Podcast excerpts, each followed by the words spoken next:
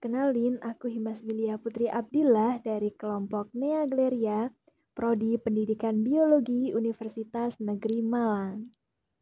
Um, I am gonna do something different.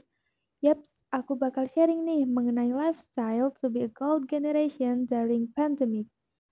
Kalian tahu nggak visi generasi emas Indonesia 2045?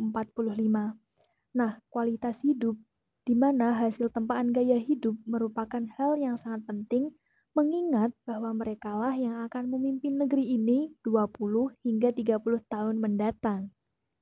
Namun, sekarang banyak fakta yang bermunculan di artikel dengan narasumber para tokoh pemerhati bangsa yang menyatakan bahwa pandemi ini beresiko gagalkan target generasi emas Indonesia 2045. Lalu gaya hidup apa aja sih yang bisa mewujudkan generasi emas meskipun pandemi ini belum pergi juga? Yang pertama pastinya gaya hidup sehat. Pada masa pandemi ini kita harus tetap menjaga kesehatan, terutama imunitas pada tubuh.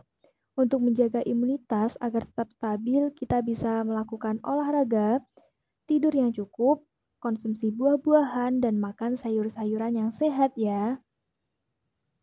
Selanjutnya yang bisa kita lakukan adalah mencari tambahan ilmu dan pengalaman. Perkembangan zaman yang serba maju, jangan sampai membuat diri kamu ketinggalan zaman. Kamu harus tetap mencari dan menambah ilmu pengetahuan dan pengalaman lainnya agar kamu bisa bersaing dengan yang lainnya. Banyak sekali cara untuk menambah ilmu pengetahuan dan pengalaman saat ini. Beberapa cara di antaranya seperti workshop, seminar, dan kursus online. Ingat, gunakan waktu kamu sebaik mungkin untuk mencari dan menambah ilmu pengetahuan dan pengalaman untuk masa depan yang lebih baik. Yang ketiga yaitu memperluas relasi. Nah, selain kamu menambah ilmu dan pengalaman melalui seminar ataupun workshop, kamu juga perlu memperbanyak relasi lebih banyak karena sangat bermanfaat jika dalam perjalanan hidup. Bukan tidak mungkin sewaktu-waktu pasti kita membutuhkannya. Yang keempat, ada hidup minimalis. Walaupun saat ini perkembangan zaman sudah serba maju, kamu harus tetap hidup minimalis. Hal ini dilakukan agar gaya hidup kamu benar-benar efektif dan produktif, tanpa perlu memikirkan banyak hal yang tidak berguna.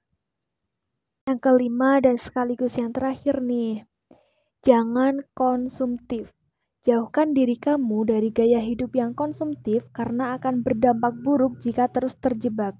Ada baiknya alihkan pengeluaran konsumtif kamu untuk dana yang darurat. Oke, mungkin sharing sesinya harus kita akhiri dulu ya.